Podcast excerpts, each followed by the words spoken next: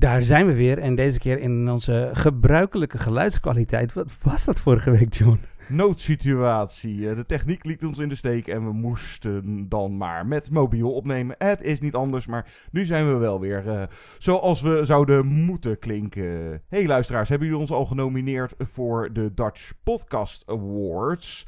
Die worden binnenkort weer uitgereikt. En de, nou, eerst moeten we nominaties scoren. Maar we werden er zeer terecht door een luisteraar op geattendeerd dat er nog een categorie blijkbaar bestaat.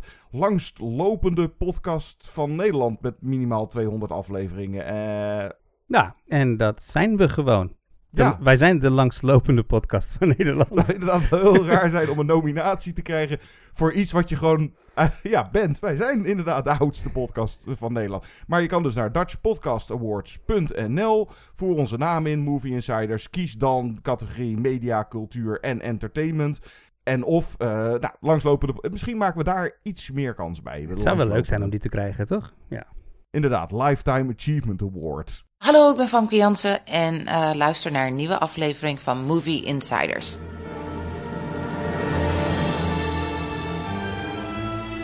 Good evening, ladies and gentlemen. We are tonight's entertainment. Movie Insiders. Why should I waste my time listening? Because I have a right to be. I have a voice. Groovy. Hallo allemaal en welkom bij een nieuwe aflevering van Movie Insiders. Mijn naam is Jasper. En mijn naam is John. Inderdaad, dus de langslopende podcast. Van ik knal hem er nog maar even een keertje in. Je kan ons beluisteren via Spotify, Apple Music, Google Podcast. Vind, like, deel ons op Facebook. We zitten op Twitter en Instagram at Movie. Eh, als je een leuk verhaal kwijt wil, dan lezen we dat voor in de podcast. Kan via movieinsiderspodcast.gmail.com. Wat staat er deze keer op het programma? Ja, we gaan vandaag eh, drie films bespreken, maar liefst. Twee daarvan eh, van Netflix en eentje die binnenkort in de bioscoop verschijnt. We gaan het eerst hebben over Blonde, een biopic over Marilyn Monroe. Ik maak air quotes. En daarna Athena, die staat inmiddels op eh, Netflix. En als laatste gaan we het hebben over een one-take film, Boiling Point. En daar gaan we onze top 5 ook op baseren. Een top 5 one-takers. Nou, long take. Long takes, Ja. ja, long takes. Ja, want ook in Athena zitten een paar mooie long takes. En nou, Bowling Point is één hele take. Dus Ja. ja. Nou, ja, laten we aftrappen met de biopic, vraagteken, Blonde. Miss Monroe, it's time.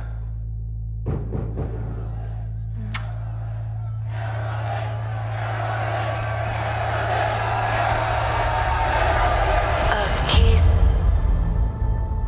on the hand, How'd you get your start? maybe What start? In movies. quite continental. But diamonds are a girl's best friend. I guess I was discovered. Men as girls, I know you're supposed to get used to it, and we all lose our in the end. but I just can't. Square cut or pear these I've played Marilyn Monroe. Marilyn Monroe.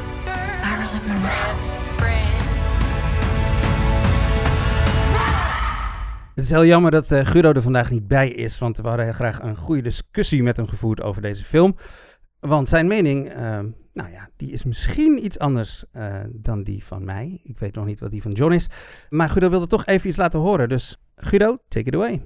Ha Jasper en John. Ik ben zo benieuwd wat jullie vinden van de lang verwachte en net op Netflix uitgebrachte Marilyn Monroe biopic Blond, die ik zag op het afgelopen filmfestival van Venetië en waar ik diep van onder de indruk was. Er was vooraf veel om te doen, onder meer de castingkeuze werd bekritiseerd. De Cubaanse Ana de Armas, het grote publiek kent haar waarschijnlijk vooral van haar flitsende bijrol in de Bondfilm No Time to Die, speelt de iconische actrice uit onder meer Gentleman, Prefer Blondes, Some Like It Hot en The Seven Year Itch. En in de trailer was nog iets van een Zuid-Amerikaans accentje te horen. Mocht ze dat nog steeds hebben in het eindresultaat, dan heb ik dat in ieder geval gemist. Maar wat dan nog? Wat een geïnspireerde keuze. Er zitten shots in blond waarin je zou zweren dat zij het gewoon is. Maar het ontstijgt wat mij betreft ook de imitatie. Mijn eerste gedachte toen ik de zaal verliet, ik durf de naam Marilyn Monroe haast niet meer uit te spreken. In 1962 aan een dodelijke cocktail van pillen gestorven blondine heette eigenlijk Norma Jean Baker. Maar al in de huiveringwekkende proloog, waarin we haar psychotische moeder een poging zien doen het dan nog piepjonge meisje te verdrinken in bad, wordt duidelijk dat zij Norma Jean zo goed als nooit mocht zijn. De artiestennaam Monroe staat eigenlijk synoniem voor een uitgebuit sekssymbool in een pervers Hollywood dat drijft op machtsmisbruik, exploitatie en vrouwenhaat, waar de ziel langzaam wordt uitgeknepen.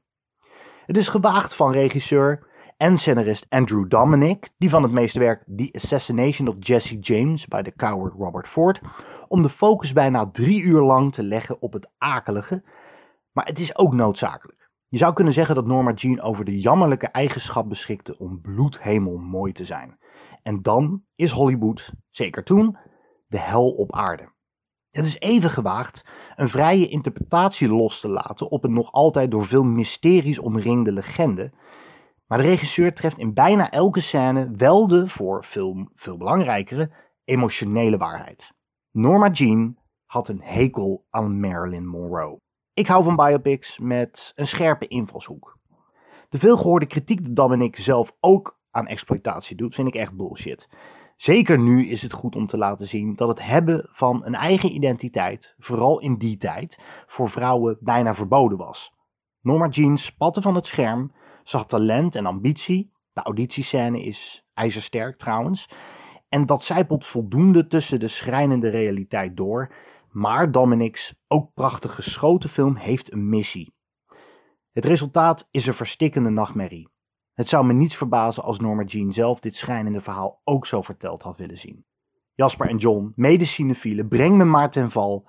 Ik ben er klaar voor, take it away. Wat vinden jullie van het nu al door velen ondergewaardeerde en verkeerd begrepen Blond? Nou, Guido, laat ik beginnen met iets positiefs. Ik ben het helemaal mee eens dat Anna de Armas een geniale keuze is als Marilyn Monroe een geïnspireerde keuze. Inderdaad, van tevoren dacht je van, gaat dat wel werken? Maar ik moest echt inderdaad af en toe even knipperen en zien dat het echt aan de Desarmers was. Uh, ze speelt echt geweldig, vind ik, als Norma Jean Baker slash Marilyn Monroe. Uh, ze zet er geloofwaardig neer. Ze weet het, het magnetisme en die ambiguïteit van Marilyn heel mooi te vangen, vind ik. Er was inderdaad wat je zei, uh, wat Guido zei, van tevoren wat kritiek over dat ze nu Cubaans accent zou hebben. Bij de, toen de trailer uitkwam was er al kritiek over. Ja, ik las dat er iets van in post-production hebben ze het nog een beetje ja. bijgeveld. Maar, maar in, in, je hoort het in één of twee scènes misschien, maar daar gaat het niet om. Dat, zeg maar, dat is het punt niet. Dan snap je de rol niet, zeg maar. Het gaat erom dat zij de essentie van Marilyn neerzet. Of in ieder geval van deze versie van Marilyn. En die weet ze gewoon heel goed te vangen. Ja, ik vind het eigenlijk jammer dat die film haar niet meer te doen geeft. Daarmee bedoel ik dat ze wat meer facetten van Marilyn had mogen laten zien. Uh, maar goed, daar hebben we het later wel over, want dit was een stukje positiviteit. Dus uh, laten we er even bij blijven. Ja, nog heel even daarbij aanvullend. Inderdaad, die controverse vooraf van... oh ja, het is een Cubaanse, maar dan lees je inderdaad... nou ja, ze is eigenlijk gewoon blank... Uh, van Europese komaf, de, de ouders mm. dan zeg maar. Dus ja, het is, het is niet dat ze vol aan Latina is. Nee, nee. nee. Nee, en ik vond ook echt totaal geen probleem. Maar inderdaad, het maakt niet uit. Al had ze wel, het, het maakt niet uit. Doet het niet, als je het, het doet, er gewoon niet doe je het goed. Ja, Klaar, precies.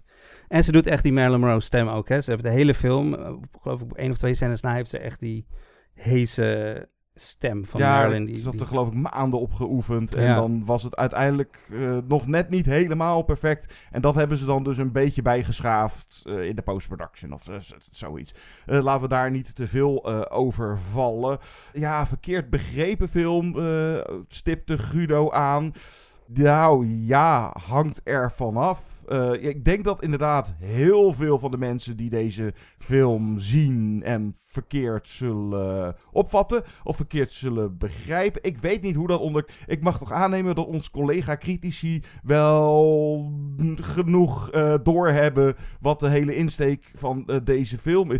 En dit was zo'n geval denk ik, ik weet het niet 100%, maar te veel creatieve vrijheid voor deze regisseur. Want de producent, dat is dan Plan B. Uh, waarvan, dat, die, dat is, Brad- die is dat- wel van Brad Pitt dat- is. Die is wel van Brad Pitt, inderdaad. En dan Netflix.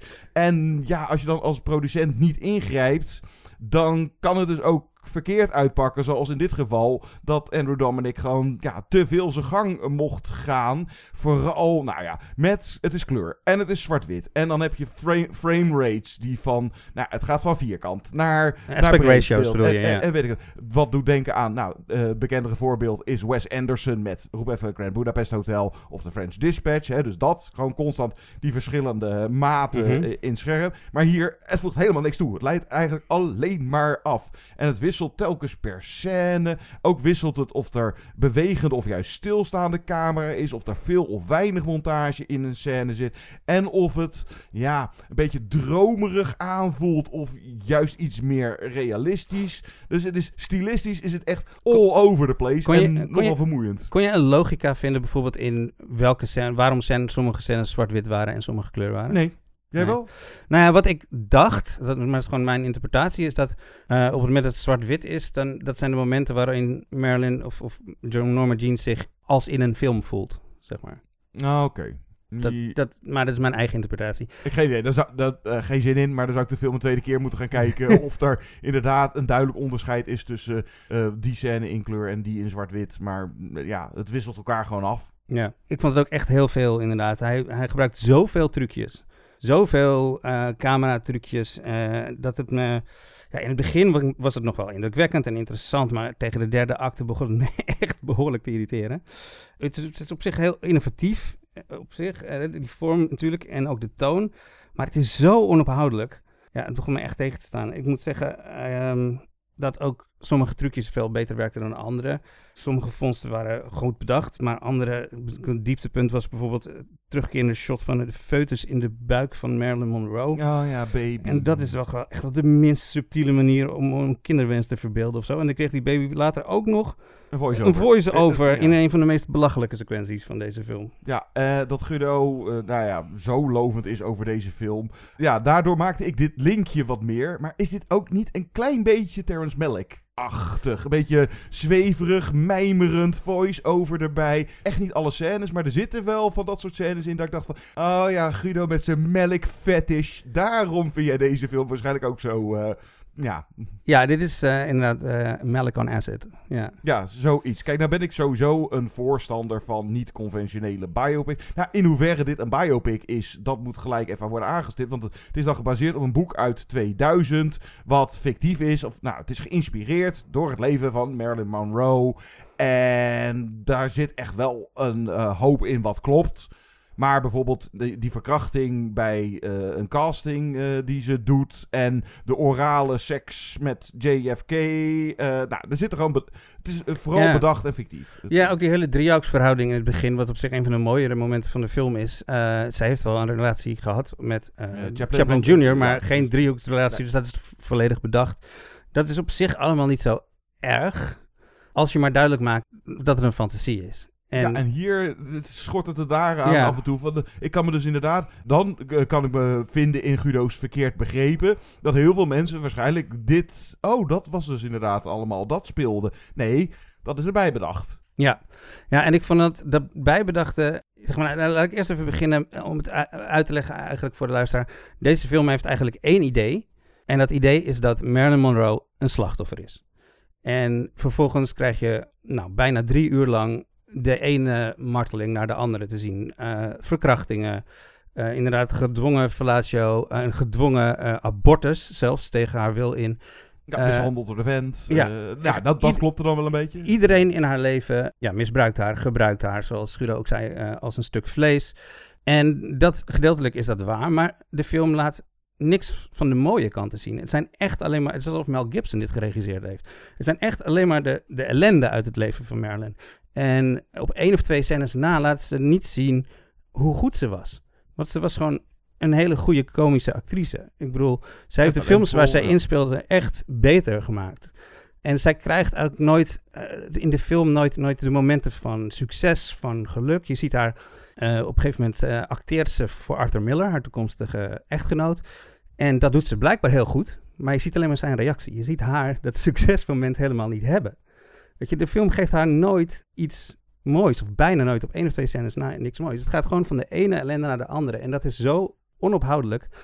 Ja, daardoor is de toon van de film ook gewoon heel erg eh, zwaar en vermoeiend. Van dat het gaat over Marilyn Monroe, het uitgebuite sekssymbool en de exploitatie, het machtsmisbruik in Hollywood in die tijd wat er allemaal bij komt kijken. Maar daarmee laat je een heel cruciaal deel van, nou ja, laten we gewoon even zeggen, dus uh, Marilyn Monroe weg. Want in hoeverre levert dit dan een geslaagd portret op? Ja, dat jeugdtrauma en hier is nogal sprake van een daddy-issue. Uh, en de innerlijke demonen waar zij mee kampt. De onzekerheid. En dat het, nou, hoogstwaarschijnlijk dus... Het was zeker geen dom blondje hoe intelligent ze dan is. Dat is vaak als mensen opeens Chekhov en Dostoevsky erbij gaan halen. Dat is niet altijd direct dan een teken dat je intelligent bent. Dat betekent gewoon dat je method acting hebt gestudeerd. Ja, oké. Uh, maar inderdaad, vrouw in de jaren 50 Hollywood. Die zwangerschappen. Nou, haar jeugd met haar moeder. De huwelijken, de carrière. Het, het komt allemaal wel voorbij. Maar... Nou ja, niet eens. Hè, want haar eerste huwelijk wordt niet eens genoemd. Oh, in de film. Er zit nog een huwelijk voor. Oh, dat, dat dus ja, slaan ze dus gewoon over. alles komt aan bod. En maar... ze, ze staan ook dingen over bijvoorbeeld... Ze was bijvoorbeeld best activistisch. Ze was activistisch tegen kernwapens. Maar ook, wat belangrijk is, ze was niet alleen een slachtoffer. Zij heeft bijvoorbeeld haar eigen studio opgericht. Om uh, scripts te ontwikkelen met betere rollen voor zichzelf. Dus ze nam echt wel de, de, de macht in handen ook om haar carrière beter te maken. Zij deed heel veel werk om een betere actrice te worden. Ze heeft jarenlang inderdaad method acting gedaan. En de film laat nooit zien hoeveel zij over had voor haar kunst. Ze wordt echt alleen maar als slachtoffer neergezet. Ja, dus kan je eigenlijk bijna niet eens spreken van een biografische film. Omdat het dus uh, ja, inzoomt op dit. Het is, het is onvolledig. Tuurlijk, ja, er komt wel een hele hoop aan bod. En daardoor is de film ook zeker te lang. Uh, veel te lang. Hè? Maar ja, het icoon en het sterrendom, het zit er allemaal wel in. En de privéleven. Maar de stijl verpest het dan voor mij. En daarmee moest ik uh, ook denken aan, die ik toch ook nog maar even heb aangezet. Die, die moet hem toch even gezien hebben. Elvis van Baz Luhrmann. Nou, dat is een 2,5 uur durende trailer. Ja, en dit is bijna een soort van pseudo Freudiaanse poging om in het hoofd van Marilyn Monroe te kruipen. En zoals Guido het noemde, ja, de emotionele waarheid. Ja, het is in dat opzicht een aardige poging. Uh, en dat zij inderdaad ook geen eigen identiteit zozeer kon hebben in het Hollywood in die tijd. Uh, wat Guido, ja, Guido noemde een mooie ding hoor. De verstikkende nachtmerrie.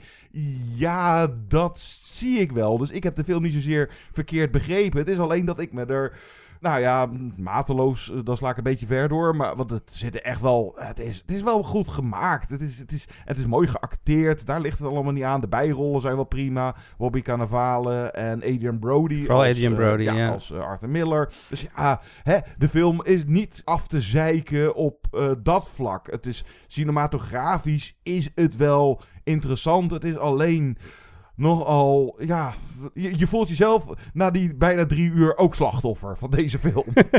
ja, ik denk ook dat ik die, zeg maar, al die cameratrucjes beter getrokken had als het scenario wat gevarieerder was geweest. Als het niet de ene marteling naar de andere was geweest. En je zei, de film probeert in het hoofd van Marilyn Monroe te kruipen. Ja, ja zoiets. Alleen, ze proberen in het hoofd van een fictieve versie van Marilyn Monroe te kruipen. Dit, dit is, ten eerste zijn dus een heleboel dingen bedacht. En ten tweede is het maar één aspect van haar. Of van, van Norman Jean Baker eigenlijk. En dat is natuurlijk een keuze. En dan kan je het mee eens zijn of niet. Maar ja, ik vond het eigenlijk ook nog erger bij sommige scènes met JFK. Uh, dan is zij totaal gedrogeerd. En ze wordt eigenlijk daar echt letterlijk als een soort stuk vlees naar zijn hotelkamer gebracht. En uh, mag seksuele handelingen uitvoeren en wordt weer weggevoerd. Terwijl in werkelijkheid hebben ze jarenlang een relatie gehad die niet alleen maar op seks gebaseerd was. Maar daar krijg je helemaal niks van te zien. Je krijgt alleen maar die ene verschrikkelijke scène te zien. En het zijn al zoveel verschrikkelijke nare scènes geweest. Waarom moet dit er dan ook nog in? Ja, en dan ga je bijna denken dat, nee, ja, ik sta, uh, sta er niet achter, maar die beschuldigingen dan aan uh, de deur van uh, Andrew Dominic, dat hij ook aan exploitatie doet. Nee, zover wil ik inderdaad niet gaan, Nee. maar ik snap dat mensen dat gaan roepen. En daar komt dan ook nog even bij kijken, de rating van deze film. Dat is dan in Amerika NC-17. Ofwel, eh, alles van 17 en jonger, dat mag er niet naartoe. Dat Dus de ene, ene hoogste rating, ja, geloof en ik. vroeger een X-rating was. Vanwege, nou, het is, eh, nou, vele naakte seks, de drugs. eh, het, is- een beetje overdreven. Want in andere films zet een gemiddelde Franse film aan. Dan lopen ze allemaal poedelnaakt rond. Dus dat, dat gaat inderdaad ook weer wat ver. Ik kan, ja, er misschien wel inderdaad inkomen van, van ver dan dat ze dit eraan geven omdat het ook vanwege de, ja, de toon. Dit is gewoon geen film voor eh, jongere kijkers van eh, hey, eh, leuke film over Marilyn Monroe. Nee, nee, Nee. verre van. Nee, en ook niet dus wat Elvis bijvoorbeeld, je had het net over Elvis, die, die maakte mij in ieder geval nog geïnteresseerd om meer te leren over het leven van Elvis. En dit, ja, op zich wel, maar, maar meer omdat ik het gevoel heb dat ik hier een heel ver- verkeerd beeld krijg in deze film. Ik zei net eh, dat deze film één idee heeft, dat is niet helemaal waar. Ze hebben nog een idee, je zei het net ook over die daddy issue. En het andere idee is dat Marilyn Monroe een personage is. Dat gespeeld wordt door Norma Jean Baker. En dat was misschien wel haar beste rol, Marilyn Monroe. Dus dat het eigenlijk in feite twee verschillende mensen zijn. Nou, de film is niet heel subtiel, dat hebben we het al over gehad. Ook hier wordt het al niet te subtiel duidelijk gemaakt door gewoon haar letterlijk te laten zeggen dat ze Marilyn niet is. Maar af en toe komt er ook wat subtieler voor. eh, bijvoorbeeld in het gebruik van spiegels. Norma Jean gebruikt eh, spiegels eigenlijk om Marilyn op te roepen in het begin van de film. En als het later niet meer zo makkelijk gaat, dan eh, is dat ook een, een van de redenen van haar drugsgebruik. Dat helpt haar dan om Marilyn naar boven te krijgen. Ze, ze zegt dan ook af en toe letterlijk, zegt ze op een gegeven moment van... Please come, please come. Of zo, weet je, kom naar boven, Marilyn. Mm. Wat weer zo onsubtiel is, maar goed. Ik vind dat op zich wel een sterk idee, dat er twee verschillende personen zijn. Het jammer is alleen dat die film dan eigenlijk helemaal geen moeite doet om ons de echte persoon, Norma Jean, beter te leren kennen. Omdat we gewoon van het ene dieptepunt naar het andere dieptepunt gaan. We krijgen eigenlijk niet de kans om echt dicht bij Norma Jean te komen. Want uiteindelijk is er, net als Marilyn Monroe, gewoon een slachtoffer in deze film. Marilyn, you are the sweetheart of this and any other month. Marilyn, you are a whore, a blonde tramp. Nobody will ever love you, you disgusting tramp. Get off the, of our radio, television, and out of our movies. You're poisoning our children. Not a fan. Like movie critics. Some of them love Marilyn, some of them hate Marilyn. What's that got to do with me? Yes. She's the whore of the month.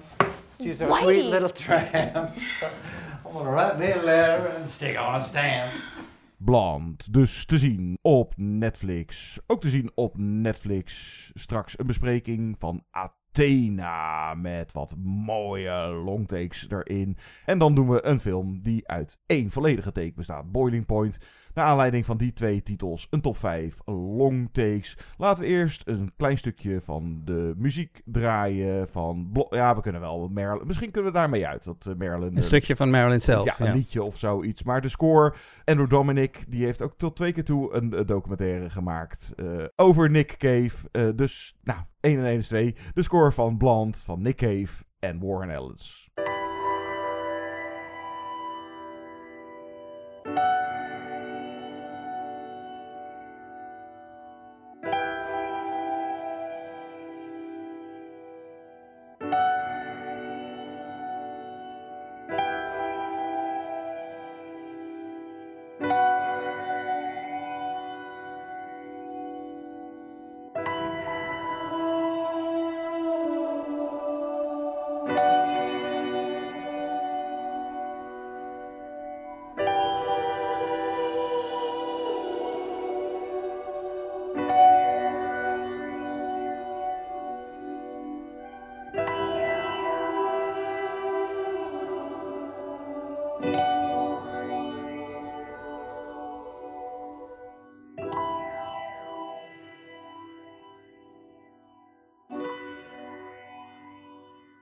En dan nu chaos in de fictieve banlieue van Parijs. Dit is Athena.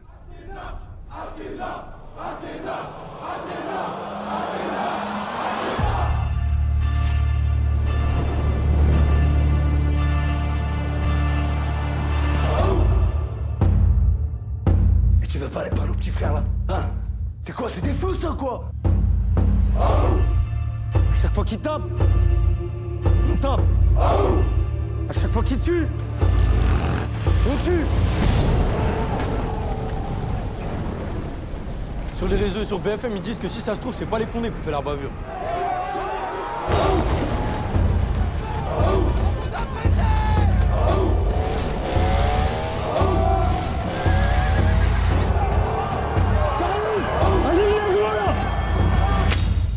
Na de tragische dood van hun jongste broer Idir, mogelijk door agenten, raken zijn drie broers betrokken bij de chaotische strijd tussen politie en de inwoners van de wijk Athena.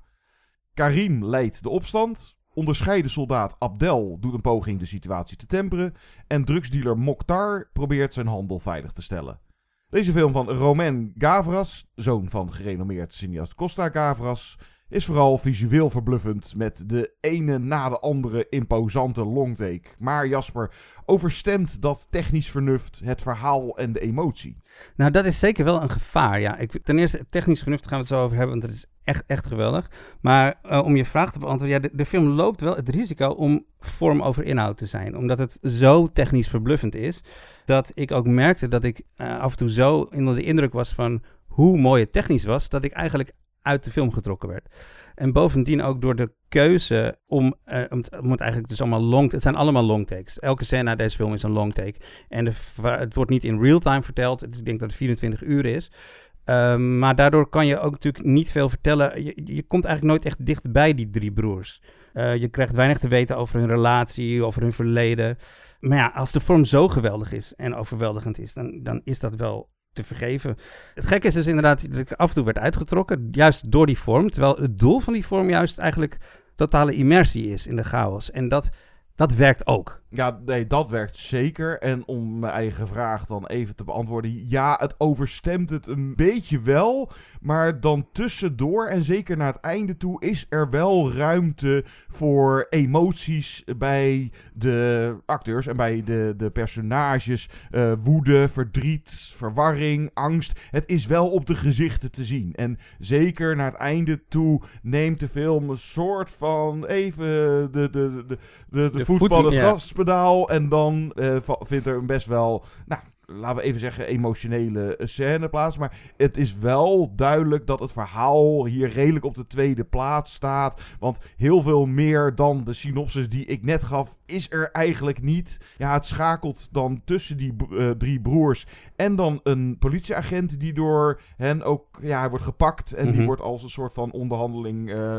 materiaal ingezet naar de politie. Van ja, wij hebben een agent van jullie, als jullie niet naar ons luisteren, schieten we een kogel door zijn kop. Dus nou, die uh, speelt dan nog een rolletje. Maar ja, vooral dat, dat visuele, wauw. Dit, uh. Nee, ik denk dat het, zeg maar, het verhaal over die drie broers, inderdaad die agent, dat wordt misschien ondergesneeuwd door de techniek. Maar het punt wat de film wil maken over uh, politiegeweld en racisme en uh, hoe slecht het is in die banlieues, dat blijft er wel redelijk bovenuit. Ja, dat, dat komt wel over. Ja, ja. zeker, zeker. Ik zal sowieso even uh, uitleggen. Dus, zeg maar, we hadden het laatst over, de, wij hadden het laatst over de openingsscène van Huda's Salon. Die vonden wij heel mooi en lang. En toen had ik ook nog Robert Altman, de player, aan met een hele lange openingsscène. Maar deze is echt nog veel indrukwekkender. Dit is echt een elf minuten durend shot die gebouwen en auto's in en uitgaat. Uh, volgt verschillende hoofdpersonen, introduceert ook eigenlijk verschillende hoofdpersonen.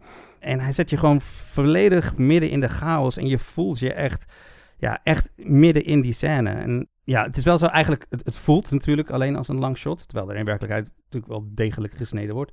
Ja, ik weet niet, ja. uh, dat, dat zal wel. Ja, en dat is natuurlijk, uh, dit soort shots zijn tegenwoordig met moderne technieken veel makkelijker te maken dan, dan vroeger, zeg maar. Dus dit, dan nog maakt Cafres zich er, er zeker niet makkelijk van af hier, hoor, want ook met die stiekem edits is dit echt een sterk staaltje choreografie om, om tot dit resultaat te komen, want ook al die edits zijn natuurlijk volledig van tevoren bedacht. Het is echt een technisch meestelijke opening. Ja. Het, en, en dan na die opening blijft de film dus eigenlijk dezelfde stijl hanteren. Dus die lange scènes zonder knippen. Nooit meer zo bombastisch als die eerste.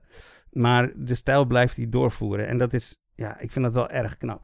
Ja, nee, zeker. Dus hè, die, die eerste, hè, de inval in het politiebureau en dan in en uit dat rijdende politiebusje. Nou, de, die, die eh, gaat de, de filmgeschiedenisboekjes in. Maar later zitten er inderdaad ook hele mooie longtakes door die, door, door die flatgebouwen Ja. heen. En, en dan is het eh, avond geworden. En dan wordt er ook nog eens heel mooi gebruik gemaakt van het feit dat het dan dus buiten donker is. En dan met vuur van de Molotov cocktails en vuurwerk. Dat eh, vooral die eh, in opstand zijn, de jongeren, die zijn allemaal met van die Romeinse kaarsen. Nou, het is echt één groot eh, kleurenfestijn eh, aan eh, dingen wat er door het eh, beeld heen schiet. Dan duurt de film maar, nou, om, eh, daarbij net iets langer dan anderhalf uur. Mhm. Dus het is bijna wel een soort van real time. Het duurt wel iets langer dan, maar het beklemmende sfeer en het gevoel hè, en het opgesloten zitten ook daar in die flats, omdat het natuurlijk helemaal omsingeld is daardoor eh, politie. Dat ko- komt echt wel goed Echt over. En de benarde ja. situatie waar die broers in verkeren, die komt ook wel over. Ook omdat het gewoon heel sterk geacteerd is eh, door deze acteurs. Ik heb de namen even niet staan, maar ja, en deze broers, de onderlinge fricties en eh, de verschillende kanten van de wet waar ze aan staan. En eh, ja, moet je loyaliteit aan je familie hebben, dat soort dingen. Het zit er allemaal tussendoor wel in. En inderdaad, dat racistisch, mogelijk racistisch motief waarom eh, hun jongste broertje dan door mogelijk ja, politiegeweld en, nou, en de banlieues en rellen. En toen zat ik van, oh ja, van wat is het, eh, van, uit 2019, Les Miserables. Exact, ja. En Lach Lee, Ja. de regisseur van die, is producent en co-scenarist van deze. Nou Ja. vond ik Les Miserables over het geheel genomen net iets beter. Maar dit is wel eh, om te zien even een stuk indrukwekkender. Ja, het is grappig. Ik wist dus van tevoren niks over deze film. Soms probeer ik gewoon zo blanco mogelijk in de film te gaan. En ik had ook inderdaad na, maar nou ja, na een kwartier of een half uur dacht ik van... Is dit gewoon van dezelfde regisseur als Les Miserables? En na een uur was ik eigenlijk van overtuigd dat het van dezelfde regisseur was. En achteraf ging het opzoeken en dat was het helemaal niet waar. Nee, maar hij heeft wel een flinke vinger in de pap. Ja, en eh, ja, Latch heeft dus inderdaad het scenario geschreven. En eh, de regisseur Romain heeft een heel piepklein rolletje in Les Miserables gespeeld ook nog. Oké, Dus ja, en, hij, en Lach Lee eh, zit een heel klein, eh, die heeft een cameo in Ja, deze geloof ik. ja. Dat- althans, dat, dat, dat las ik. Ik Maar het, niet hoor. het voelt ook een beetje alsof ehm, deze film verder gaat waar Les Miserables ophield. Want eh Les Miserables Ja. die bouwt eigenlijk op naar een gewelddadige explosie aan het einde in zo'n banlieue. En Athena begint meteen met die explosie. Of eigenlijk is Athena één grote explosie.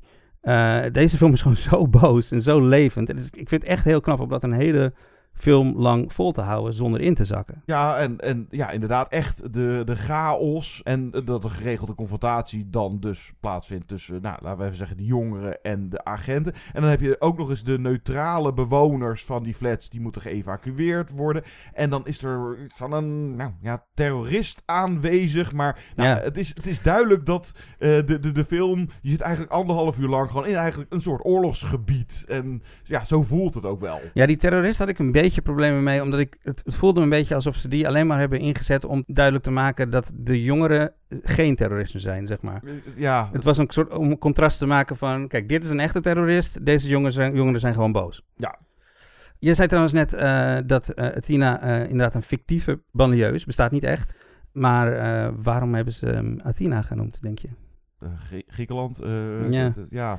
Ik denk om te verwijzen naar eh, inderdaad een, een link te maken naar de Griekse tragedie. Want in Griekse trage- tragedies gaat het heel vaak over wraak en de, de blinde wraak en de nutteloosheid van wraak. En daar gaat deze film natuurlijk ook heel erg over. En Griekse tragedies gaat heel veel over verschillende motivaties en, en standpunten van, van strijdende familieleden. Dus het is echt een verwijzing naar de Griekse tragedie, denk ik. Ja, nu dat je dat zo aanstipt, inderdaad. Maar ondanks eh, dat je dus vooral, eh, nou ja, bijna met je mond open naar de film zit te kijken, hè, visueel is het wauw, heb je toch wel genoeg eh, betrokkenheid bij deze karakters ook wel. En zo'n gevalletje van, helaas dus niet dat je dit in de bioscoop kan kijken, Ja. maar nou ja, dan moet je thuis wel een, een, een leuke, grote, dan komen die longtakes ook een beetje tot hun recht. Ja, deze had ik echt wel graag in de bioscoop gezien. Ja, zeker.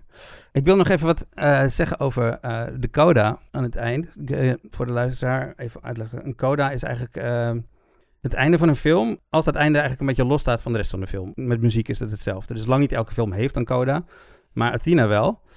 En ik had er een beetje moeite mee. Ik kan hem niet helemaal... Je had hem achterwege gelaten misschien. ik, ik had hem niet, ja, ik wil hem niet spoilen, maar met die keuze lijkt de film de politie eigenlijk een beetje vrij te pleiten.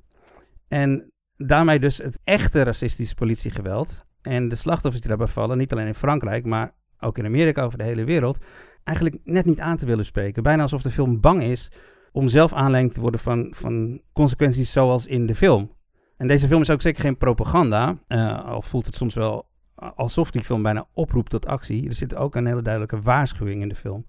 Dus ja, ik had een beetje moeite met die coda. Aan de andere kant is die, was dit ook wel weer een coda die de rillingen over de rug laten lopen. Maar het ondergraaft ook een beetje de, de activistische houding van de film. Ja, en de politie wordt trouwens ook, dus inderdaad, je zei het net over die ene agent, een mayor eigenlijk, zeg maar, oproerpolitie.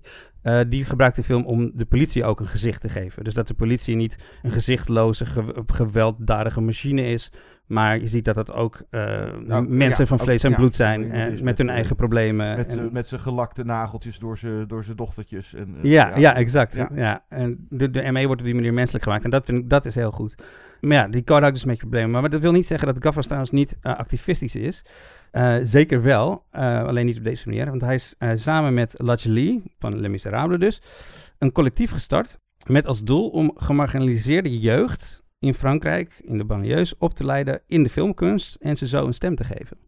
Nou, goed initiatief. Dat is echt een mooi initiatief. Ja, ja en ik kan me misschien voorstellen dat bij de Gavras uh, dat het ook een beetje in de genen zit. Want papa die maakte ook nog wel uh, van dat soort uh, Z. En, die heeft een Oscar gewonnen voor Z, ja. toch? Ja.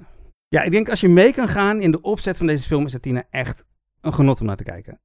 Ja, wat me het meeste bij zal blijven van Athena is dan vooral die longtakes. Die, nou ja, in een toekomstige top 5 beste longtakes er zomaar eens in zou kunnen staan. We gaan nu door naar een film die deze week uitkomt. En dat is één volledige take. Dit is Boiling Point.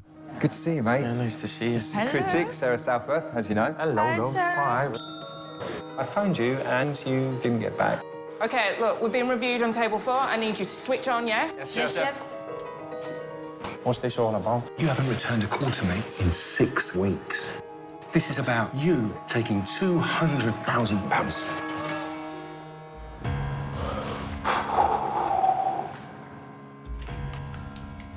Just, just give me a minute, give me a minute.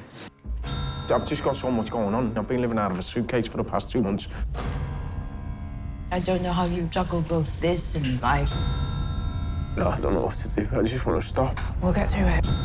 Can somebody help me? It's one job. You gotta concentrate. What do you mean? It's not much of an issue. Show some respect. Oh, yeah. Callie, no. What are you doing? Callie. I can't take it anymore. There's a million kids out there who would die for this opportunity.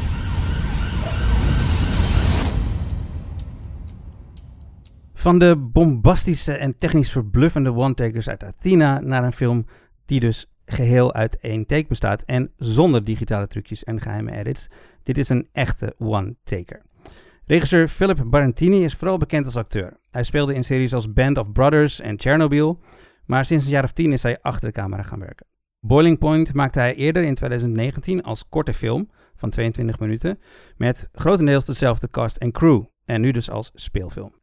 In Boiling Point volgen we in real time, en dus één shot, een avond in de altijd stressvolle keuken van een populair restaurant. Chefkok Andy, gespeeld door Stephen Graham, bekend van onder andere Snatch en de serie Boardwalk Empire, heeft persoonlijke problemen, waardoor zijn aandacht niet genoeg bij zijn werk als kok is en hij fouten begint te maken. Hij is het hoofdpersonage van de film, maar we volgen zeker niet alleen maar hem. De camera gaat vaak ineens mee met iemand anders, een serveerster, een afwasser of een souschef, die ook allemaal hun eigen verhaal en problemen hebben. Waar de lange takes in Athena visueel indrukwekkend waren, is het kamerwerk hier niet hetgene dat de show steelt. Misschien wel juist omdat het zo goed is dat je het niet merkt. In beide gevallen functioneert de keuze voor een one-taker wel om je het gevoel te geven in de actie te zitten. John, bij Athena vonden we net dat de vorm soms een beetje afleidde van de inhoud. Vind je dat bij Bolly Point ook het geval? Nee, zeker niet. En dit is dus ook weer nou, zo'n one-taker. En uh, het, ik blijf het nog steeds een beetje een gave nou, gimmick. Dat klinkt zo negatief, maar nou, ik moet eigenlijk nog steeds een one-taker zien waarbij het echt een toegevoegde waarde heeft voor... Want kijk, uh, het real-time, het, het beklemmende, ja, dat kan ook met een paar cuts erin. Dat zien we in Athena. En hier, het is meer dat je bewondering hebt voor dat je het met één lange take uh, de hele film doet. Maar is het nodig? Voegt het echt iets toe? Het is hier dan zo dat het zo... Ja, je merkt het wel, maar het is zo onopvallend gedaan. Je, je vergaat het ook soms. Ja, dat je de, de, hè, het is heel af en toe uh, met uh, één personage gaan we een keer naar buiten en we gaan een keer uh, mee het toilet in dat er eentje even zit te huilen achter de toiletdeur. Nou, dat zijn natuurlijk ook de momenten waarop de, in het restaurant de cast en crew even snel alles weer... Oké, okay, en de volgende scène gaan we, ja. dan gaan we weer door. Dus ja, op die manier. Maar vooral de stress en de druk die daar, dat is wel echt goed voelbaar. En inderdaad, mooi wat jij zegt, is dat bijna ieder personage of iedere werknemer heeft even zijn, nou scène mag je dan niet zeggen, maar heeft even zijn focus of heeft even zo'n momentje waardoor je toch genoeg informatie over deze karakters en de omgeving waarin ze werken en de onderlinge verhoudingen. Dus dat is heel mooi, ondanks dat er ja, verder geen aandacht aan die personages wordt besteed, krijg je toch wel net even inzicht in van, oh, oké, zo'n soort persoon is dat. Ja, ik vond dat heel sterk vooral. Je, je volgt, je volgt dus voornamelijk uh, de, de, de, hoofdpersoon, die vond trouwens Stephen Graham ook echt heel goed spelen. Ja, ondergewaardeerde acteur. Echt, mij, echt ja. heel goed. Maar je volgt ook de rest. En inderdaad, die kleine inkijkjes in die levens en die problemen van de rest van de medewerkers. En soms was dat maar gewoon met een losse opmerking. Ja. Of met een gebaar of een heel klein detail. En soms krijgen ze echt een kleine scène. Maar daardoor worden al die mensen echt ja, een soort ronde personages. Echte personages. En dat is denk ik wel waar het de films het sterkst is. In die, in die kleine inkijkjes, in het gevoel van de stress uh, van, de, van de echte werkvloer. Over of die one-taker uh, een gimmick is of niet. Ik, uh, eigenlijk bij een one-taker vraag ik, vraag ik me altijd twee dingen af. Ten eerste, is het echt? Want bijvoorbeeld uh, bekende one-takers als Birdman of 1917... Ja, ja die zit natuurlijk vol met uh, digitale knippen. Dat, dat zijn natuurlijk helemaal geen echte... Dit is een echte one-taker. En de tweede vraag is inderdaad... Voegt er iets toe aan deze film? Heeft het echt een functie of is het een gimmick? En ik vind in dit geval wel... En dat is eigenlijk meer door de real-time inderdaad... dan door uh, dat het een one-taker is. Maar dat hangt natuurlijk samen dat wel echt ja, bijdraagt aan jouw gevoel van de stress in die keuken, zeg maar. En ja, dus ik vind het op zich wat dat betreft wel echt goed werken. Ja, en daar moet de film denk ik voornamelijk ook van hebben. Want heel veel plot zit er niet in. Er zijn, nou ja, zijn gewoon wat dingen. Uh, er is van alles aan de hand. In het begin van de film is de inspecteur van de uh, voedselwarendienst uh, Mhm. is er. Er zijn wat vervelende gasten. Nou, dan met die notenallergie, die voel je al ruim van tevoren wel aankomen. Ja, check, Uh, op, check ja. op een notenallergie. Ja, en, en dan zijn, uh, ja, zijn voormalig chef, die nu dan nu een bekende tv-kok is of zoiets. En die is daar samen met een food critic. Ja. Maar vooral dat, dat je constant, dat komt ook over. Dat je in zo'n restaurant, van, ook al is er even wat, ja, maar je moet door, want de, de, de boel moet draaiende blijven. Mensen moeten hun eten hebben en je hebt geen tijd om uh, lekker uh, op je gemak uh, buiten even een blootje te gaan staan roken of wat dan ook. Dat een enkeling die probeert dat dan misschien nog wel een keer, maar die wordt al even goed op zijn vingers getikt van wat zullen we nou beleven. Hop, aan de slag jij, want we kunnen niet. Anders vooral valt de boel stil. En dan is het ook nog eens... Ja, het is gewoon ook wel strak gefilmd. Of je zou bijna kunnen spreken van dat het een goede soort van choreografie heeft. Het, uh, Ja. Je loopt af en toe met personages mee. Dan staan we weer een beetje wat meer stil in de keuken. En uh, ja, het is ook allemaal goed wel uitgedacht. Uh, en Ik kan me echt niet voorstellen hoeveel voorbereiding er heeft ingezet om dit te doen. Het is allemaal handheld. Cameraman Matthew Lewis filmt dit allemaal. Ja, en het is een soort ingewikkelde dans. Ondanks dat de camera dus voortdurend in beweging is. En zoals je zei ook dat we ook af en toe naar buiten gaan, voelt het evengoed gewoon heel claustrofobisch aan. Uh, wat het extra knap maakt, is dit dus... Um, dat restaurant waar het gefilmd is, is een echt bestaand restaurant. Dat, uh, Jones, al, and, ja. Jones and Sons heet dat in Londen. Wat dus betekent dat het geen set is met muren die niet bestaan en handige doorkijkjes voor de camera. Dit is in een echt restaurant gefilmd, wat het nog veel indrukwekkender maakt. Je zei net dat er plottechnisch gezien weinig gebeurt in de film. Ik had eigenlijk een beetje het gevoel dat er te veel gebeurde in de film. Dat er, het is anderhalf uur real time en het gaat eigenlijk te snel. Want binnen 20 minuten zit dat hele restaurant propvol. Af en toe was dat jarring. Bijvoorbeeld, uh, op een gegeven moment wordt er een ambulance gebeld. Die ambulance, ambulance is er binnen anderhalve minuut. Ja, ja, dat is af en toe een beetje ja. jarring. En die plotwendingen, de, de, ja, die voelen af en toe geforceerd aan om die film inderdaad uiteindelijk naar een soort boiling point te brengen. Terwijl het juist interessant is om gewoon die gewone stress op de werkvloer te zien, zonder al die escalatie. En bovendien vond ik, um, en dat is misschien wel mijn belangrijkste kritiek, ik vond het echt een hele goede film, hè, dus ik moet zoeken naar kritiek, maar dat de serverende staf en de keukenstaf echt een geloofwaardig eigen verhaal hebben, ook al wordt er vaak alleen maar naar gehind, eh, voelen de gasten in het restaurant wel echt als karikatuur. Ja, het, ja. Het is Zeker echt, die, je, eh, hebt die- een, je die- hebt een groep Instagram celebrities, je hebt een racistische vader van een gezin, een vrijgezellenfeest, de vrouw met de notenallergie. Maar ook die tv-kok en die collega, eh, ex-collega van Andy, die voelen bedacht en oppervlakkig. En het is eigenlijk jammer dat de film zoveel aandacht aan die gasten besteedt en op die manier het verhaal tot een climax forceert, terwijl de film juist zo goed is in het dagelijkse werkdagdrama in de keuken. Maar goed, dat zijn details waar ik graag overheen stap. Eh, en ik had eh, graag meer tijd doorgebracht in het werkleven van deze geweldige cast. Misschien had de film in plaats van minder plot wel langer moeten duren. Ja, geen idee. Maar ja, dus, de film excelleert eh, vooral in eh, nou, de acteerprestaties en hoe het allemaal gestaged, moet je dat zeggen, gestaged is? Ja, zoiets. Ja, geblokt, En- gestaged, Ja, ja. en een nou, mooie toevoeging aan dit inmiddels kleine subgenre van de one-takers. Overigens deed deze film me heel erg denken aan mijn favoriete serie van het jaar tot nu toe. Eh, The Lord of the Rings, Rings nee, nee, die niet. Eh, nee, The Bear. Ehm, een achtdelige serie. Komt ook het tweede seizoen van. Die ook geheel in een keuken speelt. In een New Yorkse keuken, geloof ik. En ja, die geeft ook echt zo die werkstress eh, in die keuken weer. Ja, het, had echt een beetje dezelfde vibe. Weet je, de stress, wat het met de mensen deed. En wat ook wel een grappige overeenkomst is in dat aflevering 7 eh, van The Bear is een one-taker. Oh, oké. Dus, Een one- ook een one-taker in de keuken, in ja, restaurant. Ja, volgens mij is Boiling Point eerder opgenomen, maar later uitgekomen. Dus ik denk niet dat ze elkaar per se beïnvloed hebben of dat ze van elkaar wisten. Boiling Point is trouwens, hebben we niet eens gezegd, is een Britse film. Maar The Bear is een echt aanrader. We zijn een filmpodcast, maar als je een serie gaat kijken dit jaar, The Bear. Deze podcast is nog niet ten einde. Blijf luisteren. We doen zo een top 5 long takes.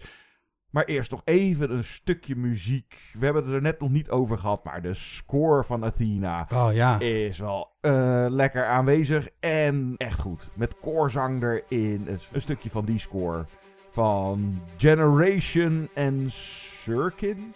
Muziek uit Athena. Tot zo.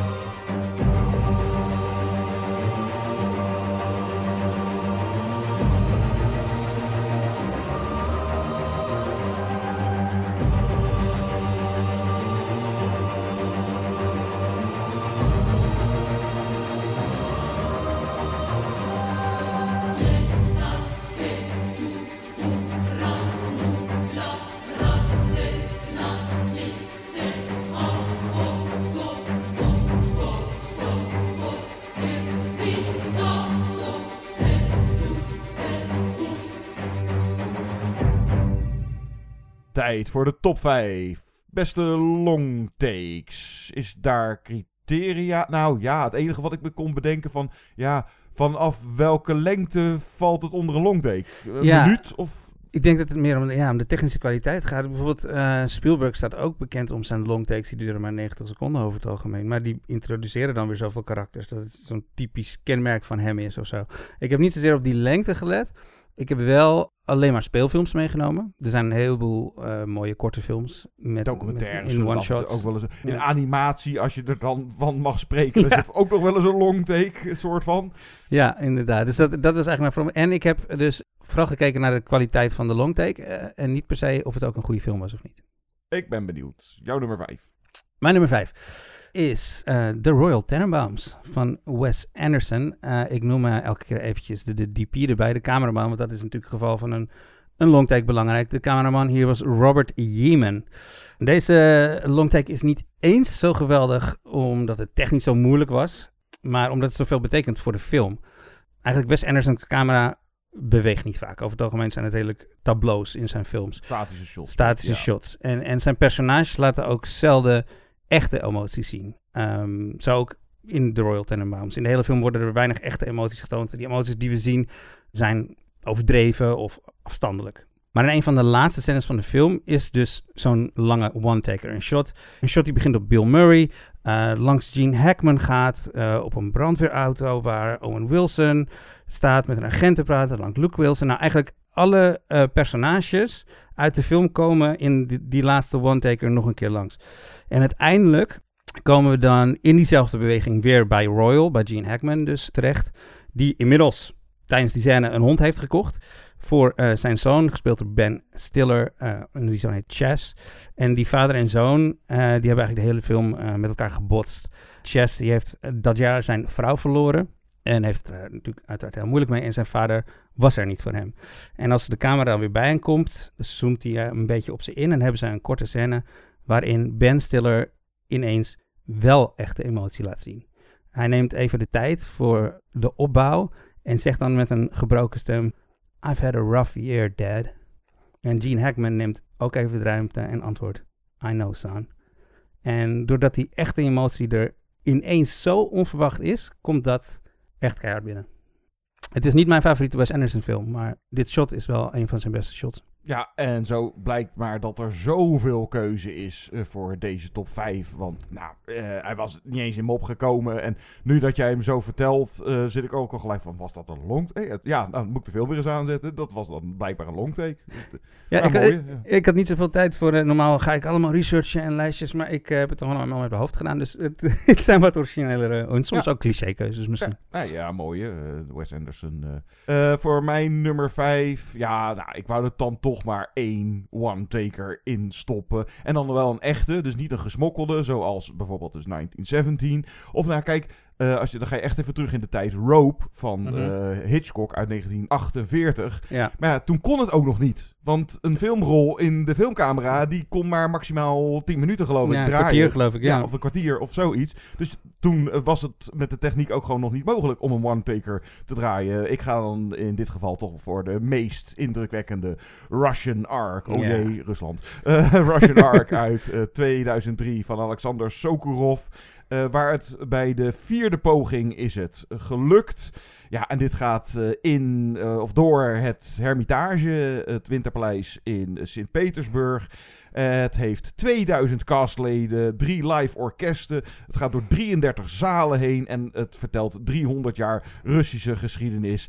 En dit is toch, ja, dan, als je het over de one-takers hebt, ja, nog steeds, ja, in hoeverre het echt toegevoegde waarde heeft. Dit is meer gewoon, wauw, Ja. visueel wonder, echt een tour de force. En uh, als je dan dat uh, subcategorietje van de one-takers, dan is Russian Ark een van de eerste echte en nog wel echt de, de, de meest indrukwekkende van het zootje. Ja, het is ook zeker de eerste die in mijn hoofd zou schieten voor een, voor een echte one-taker.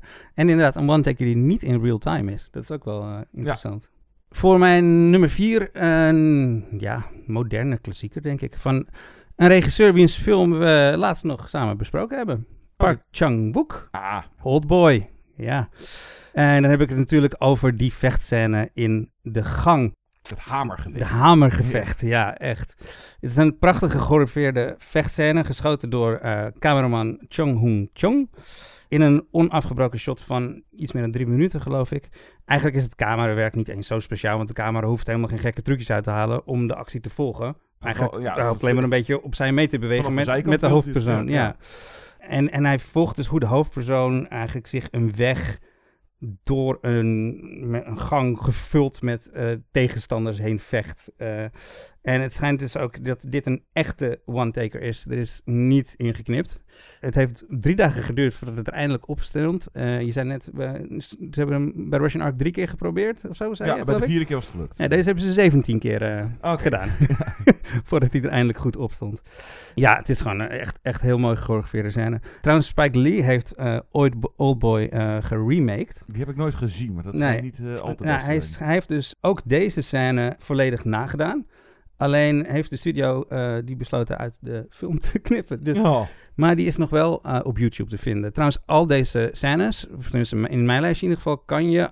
Je hoeft niet de hele film op te zoeken, maar je kan gewoon op YouTube deze scènes zoeken als je even wil kijken waar we het eigenlijk over hebben. Ja, de meeste inderdaad. eh, voor de filmtitel zet er long take achter. Dan staat ze op een enkeling na. Misschien staan ze allemaal wel op YouTube. Eh, in het geval van Russian Ark eh, moet je de hele film... Dat wordt wat lastig, Even, eh, ja. nee, je kan de, een stukje of een trailer kijken. Voor mijn nummer 4 sluit ik een beetje bij aan. Inderdaad, actiescènes. Nou ja, van de laatste jaren Atomic Blonde schoot me ook nog wel even te Hm. binnen. Maar inderdaad, voor actiescènes, dan moet je toch naar Azië. En ik kan verschillende landen langs gaan. Indonesië, The Raid 1 en 2 heeft een paar mooie longtakes erin. Thailand, The Protector, dat is die film met Tony Ja, dat hij door het trappenhuis vier minuten lang allemaal mannetjes, eh, nou, ook van de, van de trap naar beneden flikkert. Eh, Zuid-Korea, inderdaad, Oldboy, maar ik beland dan even in Hongkong om ook iets meer een nou, klassieker eh, in het actiegenre, waarin longtakes, eh nou, no- het was toen nog niet zo gebruikelijk, maar ook mannen als Johnny Toe heeft het later, wat eigenlijk een soort van de opvolger is, want daar kom ik op uit, John Woo, Hardboiled Ah, uit 1992. De shootout in dat ziekenhuis. Het duurt een kleine drie minuten. En eerst er is een shootout. Dan de twee eh, hoofdpersonages, Tony Long en uh, Chow Yun-fat. Ze gaan de lift in. Dat duurt dan 20 seconden. Maar eh, dat is zo'n triviaatje. Ik, ik wist ervan. En dat, dat blijft toch inderdaad maf. Waarom... Maar ja, daar is dan voor gekozen. De lift gaat niet naar een andere... Nee, eh, de liftdeur gaat gewoon weer open. Het is dezelfde etage. En de crew die heeft 20 seconden de tijd gehad... Om alles op te ruimen eh, wat er daarvoor is gebeurd. Om dan vervolgens gaat de shootout eh, weer door en knallen ze er nog een zootje af. Dus het is inderdaad... Nou, kijk, visueel technisch gezien... Het is niet een van de allermeest indrukwekkende longtakes uit de filmgeschiedenis. Maar deze heeft wel zijn plekje verdiend... omdat het op gebied van longtake actiescènes... wel echt een beetje van de grondleggers is. Maar dat was John Woo sowieso met zijn eh, actie. Ja, mooie keus. Ja, mijn nummer drie is eh, een beetje een cliché. Deze staat echt in alle lijstjes, denk ik, van beste longtakes. En hij wordt zelfs aangehaald in, ja, eigenlijk mijn echte nummer één van longtakes, maar die wilde ik niet gebruiken. De Player van Robert Altman wilde ik niet in mijn lijstje gebruiken, omdat we die laatst al, heb ik laatst al in de top 5 genoemd. Maar deze scène wordt aangehaald in die scène. Ik heb het over uh, de openingsscène voor Touch of Evil uit 1958 van Orson Welles. Ook mijn nummer drie. Ook jouw nummer ja, drie? Deze, alle deze twee op nummer drie. niet ontbreken. Oh, maar ook ja. gewoon het nummer drie. Ja. Dat is wel mooi. Ja. Uh, de DP, de cameraman was uh, Russell Matty voor deze film. Ja, wat, wat geniaal hieraan is, is de opzet alleen al. Het begint met een man die een wekker op een bom op drie minuten zet. Dus je weet dat er over drie minuten een bom gaat ontploffen. Dus het is gewoon een letterlijke tikkende tijdbom. En vervolgens is het echt een ingewikkeld shot. Ik denk dat het voornamelijk een crane shot is. Uh, maar er zitten close-ups in, er zijn dus echt crane uh, momenten in, er zitten dialogen in. Maar ook worden we even voorgesteld aan de twee hoofdpersonages. Dus die scène werkt niet alleen als een technisch hoogstandje, maar hij geeft ons ook ja, ontzettend veel informatie over het verhaal, zonder dat het echt als expositie voelt. En dat is heel ingewikkeld om te maken, maar Wells, ja, die maakt het zo goed dat het er gewoon eigenlijk makkelijk uitziet. Ja, die schudden dat gewoon uit de mouw. dat gewoon even uit de mouw, ja. En ondanks dat dit dus eigenlijk een van de bekendste longtakes uit de filmgeschiedenis is, is dit trouwens niet eens het langste shot uit deze film. Want later in de film zit nog een scène van 12 minuten. Ja, ja er zitten uh, meerdere longtakes in. Maar inderdaad, ja, mijn nummer drie komt dus uit bij Touch of Evil. Maar zo heb je dat, nou dat zijn dan vaak de openingsshots van de Ja. film. Maar dat, uh, ja, of de introductie van nou, personages of van de setting. Nou, dat soort dingen. Denk bijvoorbeeld ook even aan, ik roep hem maar alvast. mis- uh, ik wil niet het uh, gras voor je voeten weg. Maar uh, Goodfellas, uh, Boogie Nights. Wat dacht je van Serenity van Josh Whedon? Oh, dat we door het spaceship Firefly, Firefly, gaan. ja. En alle personages even langs. En dan inderdaad, bij deze scène is zo mooi dat er een... Ja, de suspense die wordt gecreëerd. Plus dat je eh, Charlton Heston en eh, Janet Lee, de twee hoofdpersonages... Ja, het is gewoon ingenieus gefilmd hoe je eh, dan hun volgt en die auto volgt met die tikkende tijdbom. Ja, het langs echt- elkaar, langs die grenspost. En dan eindigt het met de zoen, boom, auto explodeert. Buiten beeld, ja. Dit is echt een klassieke long take. Ja. Touch of Evil. Mijn nummer twee, eh, ja, ook een klassieker uit 1980. The Shining. Stanley Ah, ja. Kubrick, ja, logisch. John Alcott was eh, de DP.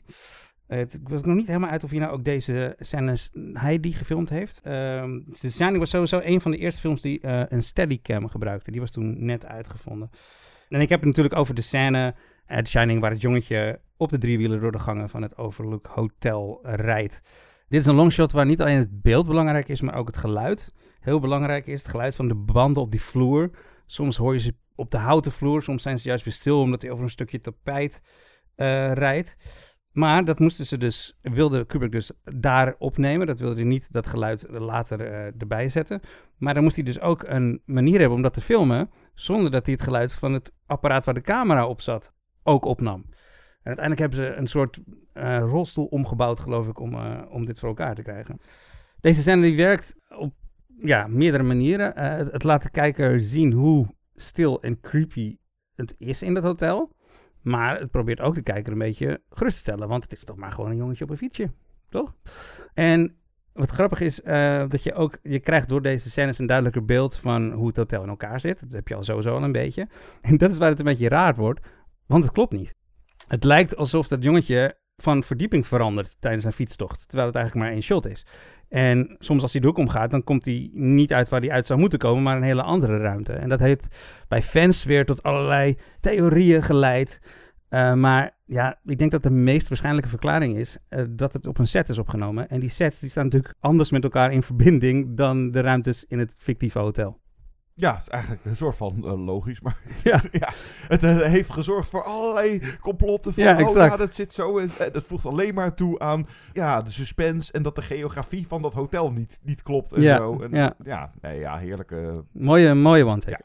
Voor mijn nummer twee komen we uit bij een, noem het even een subgenre, waar ik een haat-liefde verhouding mee heb. Maar slow cinema, nou dat zitten dan heel vaak uh, wel echt long takes, maar dan zijn het gewoon statische shots. Of dan langzaam bewegende camera. En hier heb je ook echt wel uh, grote mannen hoor. Tarkovsky, uh, Theo Angelopoulos, de Griek. Maar dan kom ik toch misschien bij wel de meester van de longtakes. De Hongaar Bela Tar uit. Uh, zijn film Satan Tango duurt 7 uur, maar bestaat geloof ik maar uit 35 shots. Dus dan heb je longtake na longtake na longtake. Maar dan ga ik voor zijn allermooiste en die zit in zijn film uit 2000. Werkmeister Harmoniak. Uh, de ziekenhuisscène, of de, ja, het is een psychiatrische, de opgehitste meute gaat uh, het ziekenhuis in en slaat alles aan gort en, en weet ik het wat. En de patiënten, nou, en dan een prachtig moment dat er een oude naakte man daar heel zielig staat. En op dat moment slaat de, ja, de schaamte toe bij de boze meute. En de, realisatie van waar zijn we nou eigenlijk mee. Maar het is gewoon, die, die camera van Belatar is daar ook een soort van aanwezigheid. Hij beweegt langzaam mee en observeert. En nou ja, het is, het is echt, hij duurt dik zeven minuten, deze longtake. En het is een van de mooiste uit uh, het oeuvre van uh, de Mr. Longtake uh, Belatar. Die voor zover duidelijk is helaas met pensioen. Ja, van mijn uh, nummer 1 ook een, uh, een Mr. Longtake, denk ik. En ik heb wel als regel ook gebruikt dat ik uh, maar één film per regisseur in mijn lijstje wilde hebben. Want anders ja, had ik wel meer van hem erin kunnen zetten. Roma bijvoorbeeld. Of Gravity, daar ben ik niet voor gegaan. Ik ben gegaan voor Children of Man. DP was Emmanuel Lubisky. Ja, Cuaron staat dus bekend om zijn longtakes. Nou, deze scène is echt zo ingenieus gefilmd. Ik heb het over de oude, er zitten meerdere longtakes in Children of Man. Ik heb het over de autoscène. Ik weet niet of je die nog voor de geest kan halen. Ja, Eh, het is ook mijn nummer. Nou, ik heb eigenlijk op één heb ik gewoon eh Emanuel Lubetsky zitten. Ja, ja, Dus ja, ik heb precies. gewoon de DP is mijn eh, nummer één. En als ik dan een eentje moet kiezen, dan inderdaad die in Children of Men in Ja. de auto. Hoe de fuck ze dat gefilmd Ja. je, je kan een soort van making-of, geloof ik, ook op eh, YouTube. Misschien moet je dat maar niet doen, want dan, ja, dan zie je de hele zonde. constructie van hoe ze dat... eh, nee, dat is zonde. Maar om even uit te leggen voor degenen die het nog niet gezien hebben. Je begint eigenlijk met vijf mensen in een auto. Eerst met een lang gesprek en wat geflirt met een pingpongballetje. En die shots die snap ik ook nog steeds niet. Eh, dan komt er op een gegeven moment een brandende auto de weg opgereden. eh en worden ze aangevallen door tientallen mensen. Onder andere twee op een motor. Er wordt geschoten, er wordt gecrashed, bloed spat in het rond. Ze ontsnappen en dan komt ze ook nog de politie tegen. Het schijnt ook dat deze zender dagen heeft geduurd om te schieten. En wat ik van deze ook echt heel knap vind, is dat ik denk de meeste mensen, en volgens mij ik zelf ook, de eerste keer niet eens door hadden dat het een one-taker was. Zo, Ja, go- zo goed ja. is het gemaakt. En ik wilde inderdaad ook zeggen, de DP, dus ehm Emmanuel Lubitsky, een vaste mede- medewerker van Cuaron. Eh, dus hij is niet bepaald onbekend met de longtakes, want hij maakte dus ook inderdaad Gravity, maar ook ja, Birdman van Inarritu. Ja, nee, uh, Lubetsky die won eh, drie jaar op rij de Oscar voor Best Cinematography, voor Gravity, Birdman en dan The Revenant. Die laatste twee van eh Ja. Iñárritu. Maar ja, Children of Man, eh, die latere die er ook in zit, die is ook, Is ook geniaal. fantastisch. Eh, Ja. Dat eh, Clive Owen dan met haar, met inmiddels eh de baby, lopen ze door. Nou, dat, dat kapotgeschoten flatgebouw. Dus al die mensen door. Maar vooral die in de auto. Hoe ze dat eh, voor elkaar hebben gekregen. Dat is echt nog steeds dat je... En inderdaad, eh, de eerste keer dat ik Children of Men... En volgens mij hele vele met ons... Zo van, je hebt het niet door. Nee, Omdat... omdat het zo goed gemaakt Ja, is. het, maar het is ook volgens mij een van de weinige. eh, misschien is het daarna nog wel eens een keertje gekopieerd in een andere film. Maar ja, met een camera in een auto en dan ronddraaien. En dan alles wat er buiten de auto afspeelt. Dat moet natuurlijk allemaal gechoreografeerd en goed eh, lopen. Vandaar dat het waarschijnlijk meerdere takes eh, nodig had. Maar ja, en eh, Roma, wat Cuaron dan zelf geschoten heeft, heeft Ja. ook prachtige longtakes erin. Een hoop eh, eervol. eh, ja, we, we kunnen zo eh, nog wel een top 5 Ja, eraan wijden. Maar een mooie klassieker, Soy Cuba, moeten we even genoemd hebben. Daar zitten ook, eh, die is wat ouder, die is uit, eh, ik geloof, 64. Daar zaten ook een paar van die longtakes in. Waar zeker in die tijd eh, van gezegd werd van... Hoe heb je dat in hemelsnaam voor elkaar gekregen? Met de camera een zwembad in en nou ja, noem het maar. Hij is recent overleden, Jean-Luc Godard, de file in Weekend. We gaan Ja. dan een hele file van auto's langs. En eh, nou, Kubrick inderdaad. Wat dacht je van Atonement, de Dunkirk scène. Ja, die zat midden in de film ook. Dat Ja. was geen openingsscène, maar midden in de film kreeg je ineens zo'n hele lange one-taker. Ja, plus dat is ook weer een geval, en dat heb ik wel vaker gelezen, van, eh, die was ook geboren uit soort van noodzaak van, ja, al die eh, extra's en we hadden niet meer tijd eh, om ze allemaal do- door te betalen, dus we hebben maar besloten er, een- er een longtake van te maken. Nou ja, er zit ook, wat dacht je van die uit Panic Room van David Fincher, door, dat is natuurlijk... gaat door de verdiepingen heen, toch? Ja, en, Ja. En, door sleutelgaten Ja, heen. En, en weet ik het wat. Kijk, daar komt natuurlijk wat computer-generated eh, bij kijken. En van wat recenter, deze wou ik toch even nog eh, genoemd hebben. Die duurt dan, eh, ja, de film duurt al een uur en een kwartier of, of zoiets. Dan komt pas de titel in beeld. En dan krijgen we een 50 minuten durende one-take in A Long Day's Journey into Night uit 2018 van de Chinese regisseur B. Gun. Daar gaat de camera ook mee in een kabelbaantje. Zo'n Ja. zo, zo'n stoeltjeslift. Ja, klopt. Is niet een kabelbaan, gewoon zo'n hele cabine. Want dat, dat is makkelijk. Nee, in zo'n stoeltjeslift gaat die camera mee. En dan nog een paar van die andere dingen. Dat je inderdaad ook met je bek open zit van... Hoe, hoe krijg je dat voor elkaar? Ja, dit, en sowieso ook een hele mooie film, vond ik dat. Ja, sowieso alles wat je noemt. Eh, je zei net ook Goodfellas, dat is natuurlijk echt een klassieker eh, in het genre van de one-taker. Ik had zelf ook nog graag ehm, iets van Ruben Ostlund op de lijst willen zetten. Eh, bijvoorbeeld in Play zitten hele mooie long takes. Er zit een scène in, in, in een bus. De, de film gaat over jongetjes die gepest worden. Of nou ja, groepjes jongetjes die elkaar pesten. Ze zijn in een bus waar echt van alles gebeurt. Ja, de hele film bestaat uit ook al allemaal hele lange takes. Hij heeft ook een korte film gemaakt, eh, Incidents at a Bank. Die moet je echt eens opzoeken. Dat is ook een one-taker, maar die, en dat heeft hij dus bij Play en ook eh, bij andere films gedaan. Er zit wel montage in, Maar hij knipt binnen het frame soms. Bijvoorbeeld in Play is in zoveel HD geschoten dat hij in de post nog kon gaan inzoomen op dingen. Dus hij kon een soort van camerabewegingen toevoegen die hij eigenlijk niet gemaakt heeft. En in Incident in a Bank is gewoon soms de linkerkant van het beeld op een ander moment opgenomen dan de rechterkant van het beeld. Maar het voelt als één groot shot. Dus ja, Oslund ook een, uh, een meester van de long take. Ja, en dan wat ik al zei, de statische shots, daar ben ik dan maar even niet voor gegaan. Want daar heb je natuurlijk ook nog tal van voorbeelden van. Dat is dan visueel of technisch niet eh, zozeer indrukwekkend. Maar nou, neem bijvoorbeeld even Michael Fassbender in Hunger van uh, Steve ja. McQueen. Dat is geloof ik 17 minuten staat die camera stil. En dan is het vooral van, ja, doe je ding uh, acteur. Uh, laat maar even zien dat je het kan zonder knipjes erin. Ja, maar dan is het meer theater bijna. Ja, ja, dat inderdaad. Maar het zijn wel, ja, het zijn wel, het zijn wel long, takes. long takes. Ja, ja maar ik, ik heb inderdaad meer gelet op het, op, de, die, op het camerawerk. Ja. Dat was onze top 5 long takes. Wat zijn we vergeten? Laat het ons vooral weten op uh, movieinsiderspodcast.gmail.com of op Instagram, of op Twitter, of op Facebook. Je weet ons wel te vinden. Of op onze site, moviesiders.nl, ja. kun je ook een reactie geven. Of was je het helemaal eens met Guido en vond je Blond een geweldige film? Laat het ons ook vooral weten. Graag, ja. ja. Dan kunnen we een beetje, ja, een beetje tegengas tegen... Nou ja, ja, we waren kritisch, maar we hebben hem ook weer niet helemaal afgekraakt. Het, nee. het ging ook weer net te ver. Laat vooral van jullie horen.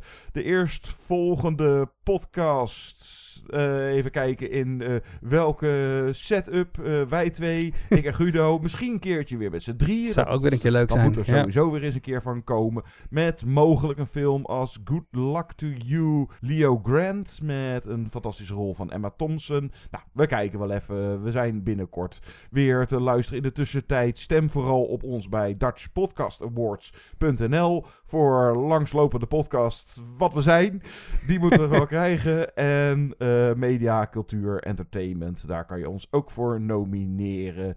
Zullen we uitgaan met dan een liedje van Marilyn Monroe. De ja, echte. De, ja, echte. Ja, ja, ja. Diamonds Are a Girl's Best Friend. Uit, dat is volgens mij uit Gentlemen Prefer Blondes. Klopt. Ja. Tot de volgende keer. Tot dan. French are glad to die for love. They delight in fighting duels. But I prefer a man who lives and gives expensive jewels. A kiss on the hand may be quite continental, but diamonds are a girl's best friend. A kiss may be grand, but it won't pay the rental on your humble flat or help you at the automat. Men grow cold as girls grow old, and we all lose our charms in the end. But square cut or pear shape, these rocks don't lose their shape. Diamonds are a girl's best friend. Tiffany's. Cartier. Black Star, Ross Gorham. Talk to me, Harry Winston. Tell me all about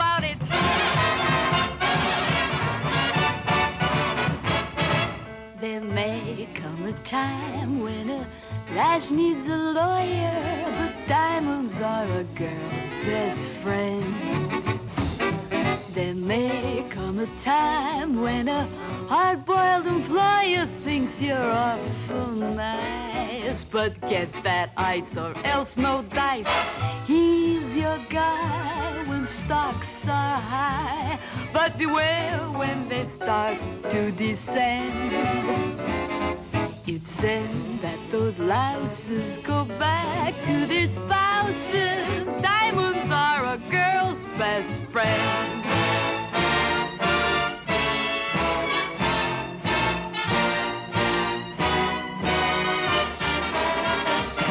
I've heard of affairs that are strictly platonic, but diamonds are a girl's best friend. And I think of affairs that you must give keep Masonic are better bets. If little pets get big baguettes, time rolls on. and youth is gone, and you can't straighten up when you bend. But stiff back or stiff knees, you stand straight as